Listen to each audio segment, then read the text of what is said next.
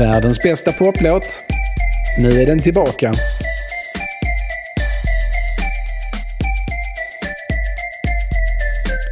Vilken är bäst? Vi måste ha svar. Jag ligger vaken på natten, jag får ingen frid. Men det svaret är här utanför. Det är bara en fråga om tid, ja!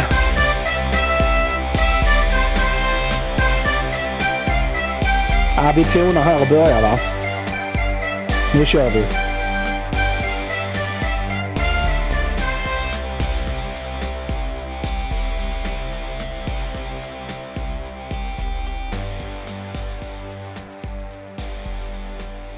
Hej Shabaloba! Det är dags för mer populärmusik. Världens bästa poplåt är här för att reda ut vilken som egentligen är världens bästa poplåt. Och vänner, det råder ju ingen tvekan om att världens bästa poplåt är en låt från vad som inte är världens bästa actionfilm. A View to a Kill. Bli Patreon på Patreon och allt det där. Klicka och skicka pengarna för 0 och 0 är 0 och 0 0 0 0 0 och vart du än släpper slantarna så rullar de åt samma håll. Nämligen till personerna som gör musiken i form av avgifter. Nu kör vi! Sist vi träffade James Bond så bekämpade han mörkhyade människor i Västindien till tonerna av Paul och Linda McCartneys Live and Let Die. Live and Let Die är en charmig liten katastrof till film och Roger Moores första som James Bond. Det var såklart en utmaning för honom att fylla Sean Connerys skor men det var ett smutsigt jobb och någon var ju tvungen att göra det. Producenterna Harry Saltzman och Albert Broccoli satte genast igång med att producera uppföljaren, den av Hongkong kung fu-filmer inspirerade The Man with the Golden Gun. Det är en otrolig film. Och mestadels med flit. Dracula, Saruman, Count Dooku, Lord Summerisle själv, Christopher Lee spelar skurken Scaramanga, inte att blanda ihop med förra filmens skurk Kananga, vars listiga plan är att ha en gyllene pistol och döda James Bond med den. Den jäveln vill också bygga solceller och förse planeten med billig energi som inte alls är beroende av kol och olja. Av någon anledning har han också en jättelaserkanon som måste förstöras. En dvärg har han också. Jag vet att man inte får skoja om dvärgar, de blir skitsura på ändå alla sju. Men Scaramanga är inte politiskt korrekt på något sätt så han kör med en dvärg. En dvärg så ondskefull att han får Per Lagerkvists dvärg i Dvärgen att framstå som något av ett insmickrande idolporträtt av ett helgon. I The Man with the Golden Gun kör Bond sitt vanliga race och misshandlar kvinnor och låser in dvärgar, med sten då, i koffertar och liknande. Från och med The Man with the Golden Gun står det klart att vad som egentligen är kärnan i Bond-filmerna, det är cirkusnumren. Allt handlar om att föra handlingen tillräckligt långt fram för att kunna köra nästa stunt. Som att snurrhoppa en bil över en flod till exempel. Hade man dataanimerat specialeffekterna i Bondfilmerna så hade de inte funkat alls. Se på de här Fast and the Furious-filmerna där det är liksom man ser pixlarna på skärmen och blir inte övertygad alls. Men i Bond-filmerna snurrar biljäveln på riktigt. Nej, det är att allt är äkta som är grejen med Bond. The Man with the Golden Gun blir Harry Saltzmans sista Bondfilm. Hans privatekonomi kraschade så totalt att Broccoli fick köpa ut honom ur filmserien. Med Salzman försvinner också det mesta av den öppna rasismen i filmerna. De blir inte fullt så kvinnohatande heller längre. Faktiskt så dyker det upp kvinnor som är kompetenta och starka i resten av Ions Bondfilmer också, även om de såklart inte heller kan motstå James Bonds livsförändrande magiska snopp. En annan sak som försvinner med Salzman är hatet mot rockmusik. Men till The Man with the Golden Gun hann han i alla fall sätta stopp för att Alice Cooper skulle göra musiken. Alice Cooper var 1974 ungefär det populäraste popbandet i världen och de älskade James Bond. Redan på deras första skiva, Pretty's for you, hör vi hur James Bond-temat leks med, varieras med och experimenteras med. På skivan Killer, deras fjärde, finns episka nästan nio minuter långa Halo of Flies som också lånar Bond-musiken och berättar en egen agenthistoria. Deras bäst säljande skiva Billion Dollar Babies avslutar första sidan med en låt om tandläkarskräck som på något sätt ändå lyckas bli en spionthriller med James Bond-temat i bakgrunden. Alice Cooper var absolut största bandet när de såg i eftertexterna till Live and Let Die att James Bond will return in The Man with the Golden Gun. Så de satte genast igång med att skriva vad de tyckte skulle vara den bästa Bondmusiken någonsin. Det gjorde de. Men något rock eller roll ville Saltzman inte veta av. Det var illa nog med McCartney på förra filmen. Istället fick kompositören John Barry ta och skriva en lättsam slagerlåt åt Lulu att ha med i filmen. Visst, den är väl bra och så, den är faktiskt fantastisk, men den är inte lika fantastisk som Alice Cooper.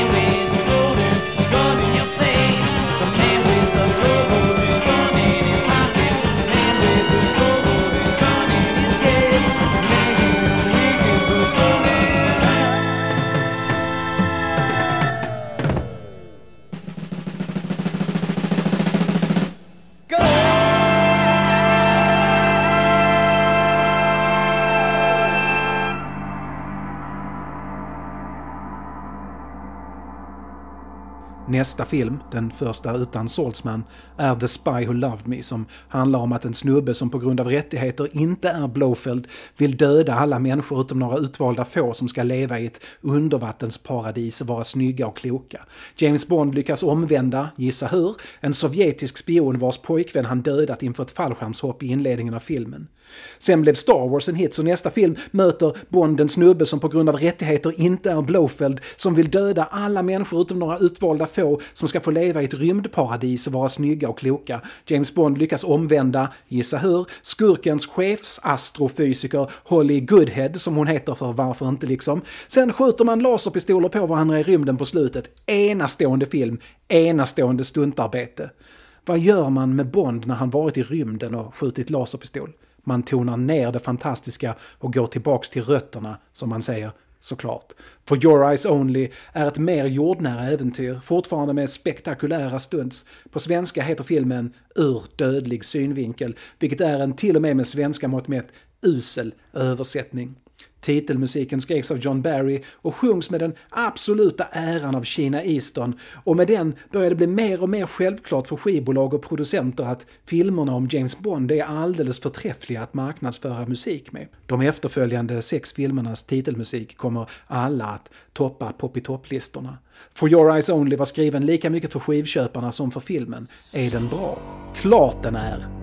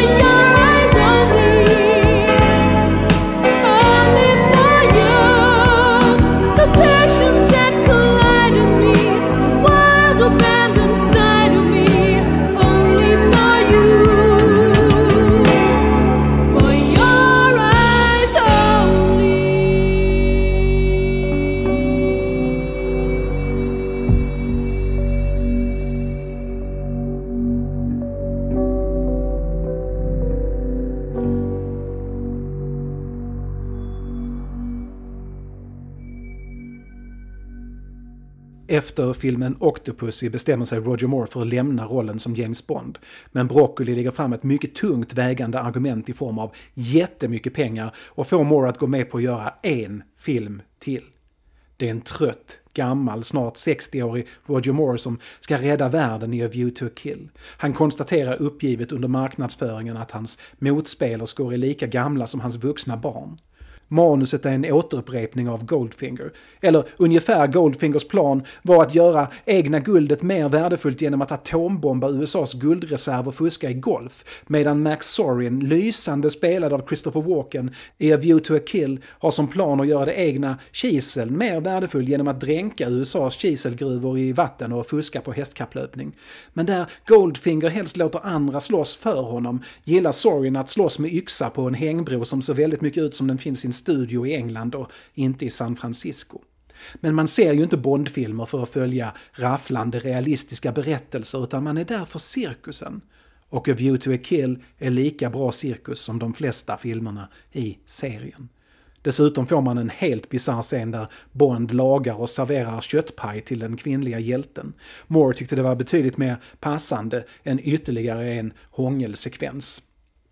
Ur dödlig synvinkel hade för övrigt varit en betydligt bättre svensk titel på A View to a Kill, men man kan ju inte ha två filmer som heter samma sak i en och samma filmserie. Eller man kunde inte. Numera verkar det vara vanligt inom i alla fall skräckfilmer där vi har tre filmer som heter Halloween, två Scream, två The Texas Chainsaw Massacre och så vidare. Vansinne säger jag, men det är ju ingen som lyssnar på mig i sådana frågor.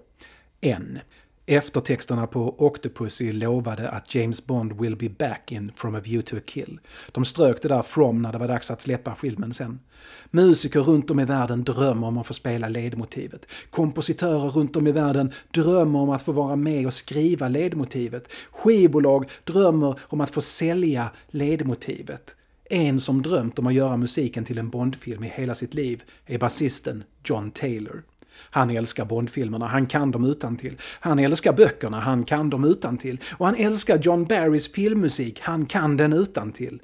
1984 är han 24 år gammal och i ett läge där han faktiskt skulle kunna få göra musik till en Bondfilm. Han är nämligen med i Storbritanniens populäraste band, ett band som just haft en etta på USA-listan med låten The Reflex, Duran Duran. Det finns få band som är mer 1980-tal än Duran Duran. Här i Sverige räknas de som syntpop av experttidningen Okej, okay, men det är ett rockband vi har att göra med. Ett filmintresserat rockband. Namnet har de tagit från David Hemmings rollfigur i Barbarella. Snygga pojkar och fenomenala musiker. Inte minst John Taylor på bas och Andy Taylor på gitarr. Duran Duran är också ett av de absolut bästa banden med en Roger Taylor på trummor. Topp två i alla fall, minst. Med fokus på musikvideo från start stormar de in på musikscenen 1980 och tar den med storm. Delvis rockband, delvis discoband, delvis ett new romantic-band. En motreaktion på punkens gör det självestetik och socialrealism med ilskna sparkar mot kapitalismen och drottningen ser de sig själva som en verklighetsflykt, som skyltdockor, som en vara. I Thatchers England skrevs det arga och politiska låtar i norr men söderöver gillade man fester och dekadans. Där fanns inte massarbetslösheten eller de nerlagda gruvorna och varven. Precis som James Bond var Duran Duran trygg underhållning som inte utmanade några hierarkier. Men de var inte dåliga för den sakens skull. Vad sägs om gitarriffet till Hungry Like the Wolf? En låt som tydligen inte handlar om att vara väldigt hungrig utan kan möjligen vara någon sorts omskrivning för något annat. Andy Taylors gitarriff borde räknas till de största och främsta riffen. Han spelar som de flesta riffande hårdrockare bara vågar drömma om. En kul, konstig sak med Duran Duran är att de inte gjorde 12-tumsmixar för diskoteken på samma sätt som andra brukade göra. Nej, de skrev och spelade helt enkelt in längre versioner av låtarna. Deras 12-tummare kallar de för night version av vilken låt det nu kan vara. På Hungry Like the Wolf spelar de fyra musikinstrumentspelarna igenom hela låten live i studion i en tagning. Visst, det blir lite fel, men det gör det bara ännu mer spännande och ni kommer inte höra felen om ni inte lyssnar riktigt noga, men när ni väl har hört dem så kommer ni höra dem för alltid. Lite som John Bonhams gnisslande trumpedal. Hungry Like the Wolf blev aldrig listetta, men det är en klassiker på ett helt annat sätt än vad The Reflex någonsin kommer att bli. Ta oss till himlen, Andy.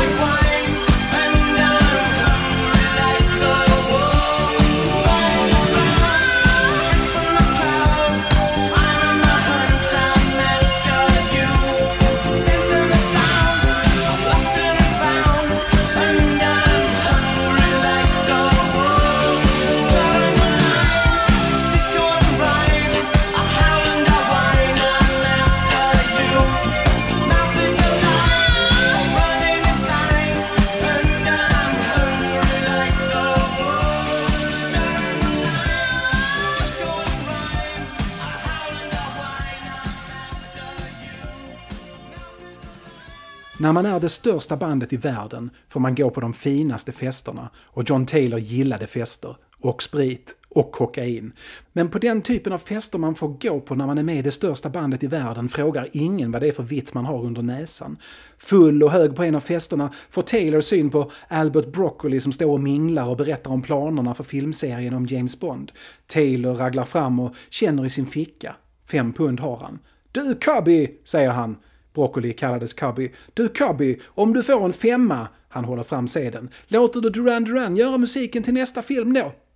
Hemkommen från festen frågar Broccoli sina barn vem det där fyllot var och barnen berättar att det där var John Taylor från Duran Duran som ligger etta överallt i världen just nu. Broccoli blir såklart intresserad och visst skulle det vara bra för filmserien om ett av de riktigt, riktigt stora banden gjorde musiken. Visst, Paul McCartney var ju stor och så när de gjorde Live and Let Die, men att låta Duran Duran göra musiken vore snarare som att ha fått The Beatles att göra musiken till Goldfinger 1964 eller Thunderball 1965. Han blev mer och mer övertygad om att det är en helt lysande idé. John Taylor minns inte riktigt vad han har gjort på fyllan men när EMI frågar varför han försökt tjata till sig att göra Bondmusik ringer det en vag klocka någonstans i bakhuvudet. EMI har fått ett erbjudande. Skriv låten tillsammans med John Barry och spela in den för förtexterna. Och det är ju fantastiskt, säger John Taylor. Och det säger Andy och Roger Taylor också, de är inte bröder för övrigt. Och Nick Rhodes som spelar synta och Simon Le Bon som sjunger säger också att det är en fantastisk idé. För Duran Duran älskar Bond. Skivbolaget älskar inte idén. De tycker att Duran Duran är alldeles för stora för Bond. De hade hellre sett att någon annan av deras artister fick möjligheten och att Duran Duran fokuserade på att vara världsstjärnor istället. Men John Taylor och Simon Le Bon ser det som en chans att hålla samman bandet. Musikerna drog åt olika håll. Droger och alkohol och festande slet isär vännerna. Andy Taylor ville spela seriös rockmusik. Rhodes ville att bandet skulle gå mer industrisyntriktning. Alla hade hotat att smälla i dörren och lämna bandet. Men kärleken till James Bond förenade dem. Och kanske, tänkte John Taylor och Simon Le Bon, kan det här bli startskottet för något. Bandet sätter igång och skriver. De får hjälp av John Barry som kommer med förslag på stråkarrangemang och hjälper dem att arrangera låtens olika delar i rätt ordning. Barry producerar inspelningarna och lyckas bättre än tidigare och senare att få låten att låta både modern och samtidigt som en tydlig del i James Bond-traditionen.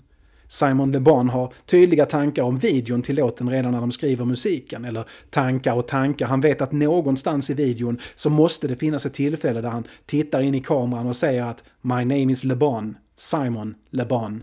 Skivbolag och filmbolag nappar på det och tillsammans med filmens regissör John Glenn skapar musikvideoautörerna Godley and Cream, också kända från poporkestern 10cc, en video som utspelar sig under en scen från filmen. Bilder från filmen varvas med nytagna på Duran Duran som någon sorts agenter i Eiffeltornet. Det blir MTVs mest spelade video någonsin och, den är, och det är med all rätt för den är genial och väldigt tramsig. Den skiljer sig från alla andra filmmusikvideos som mest visar klipp från filmen lite randomly som en trailer ungefär.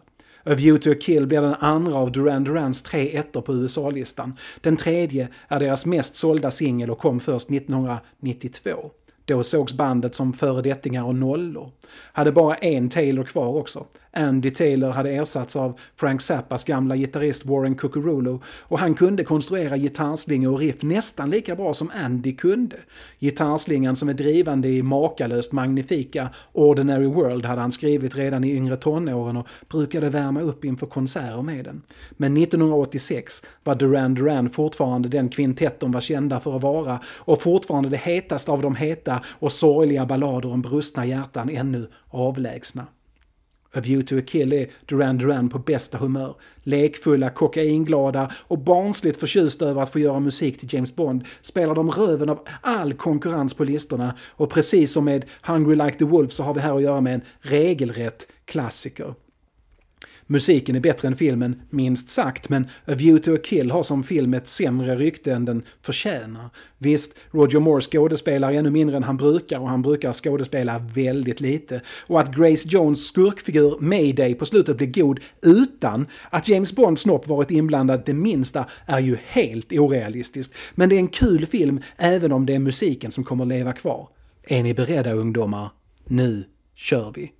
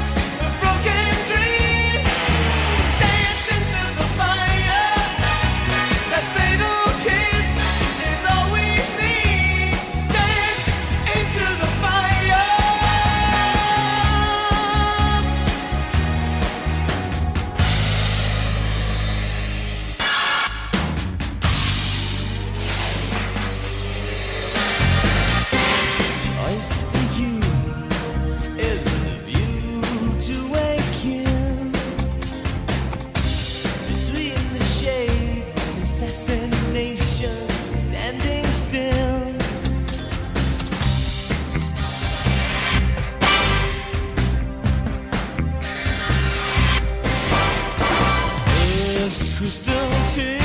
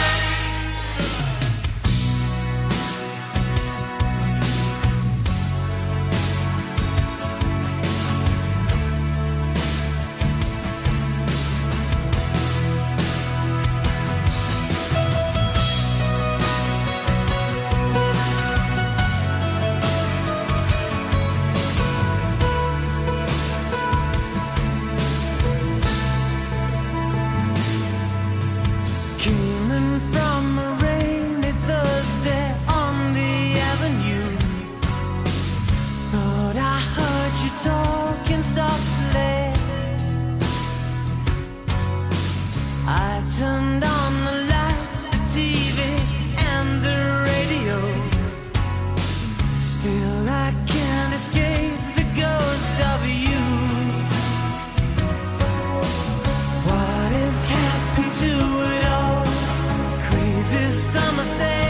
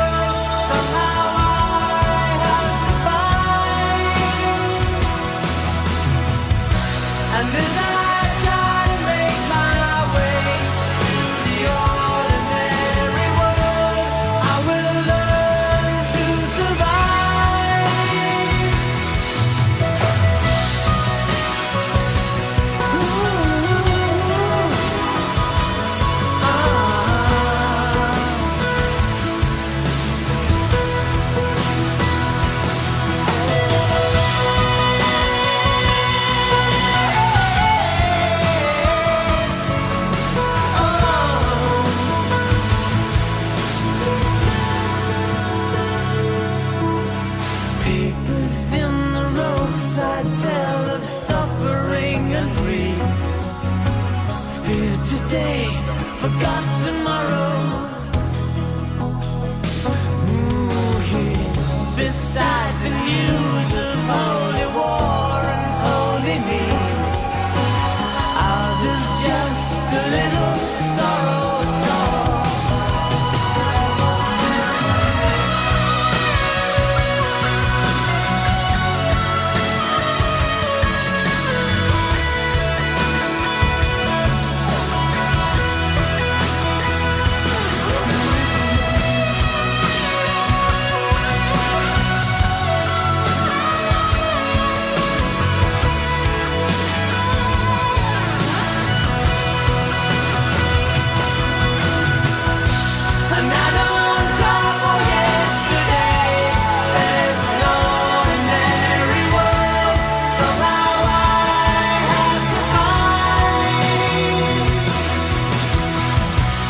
and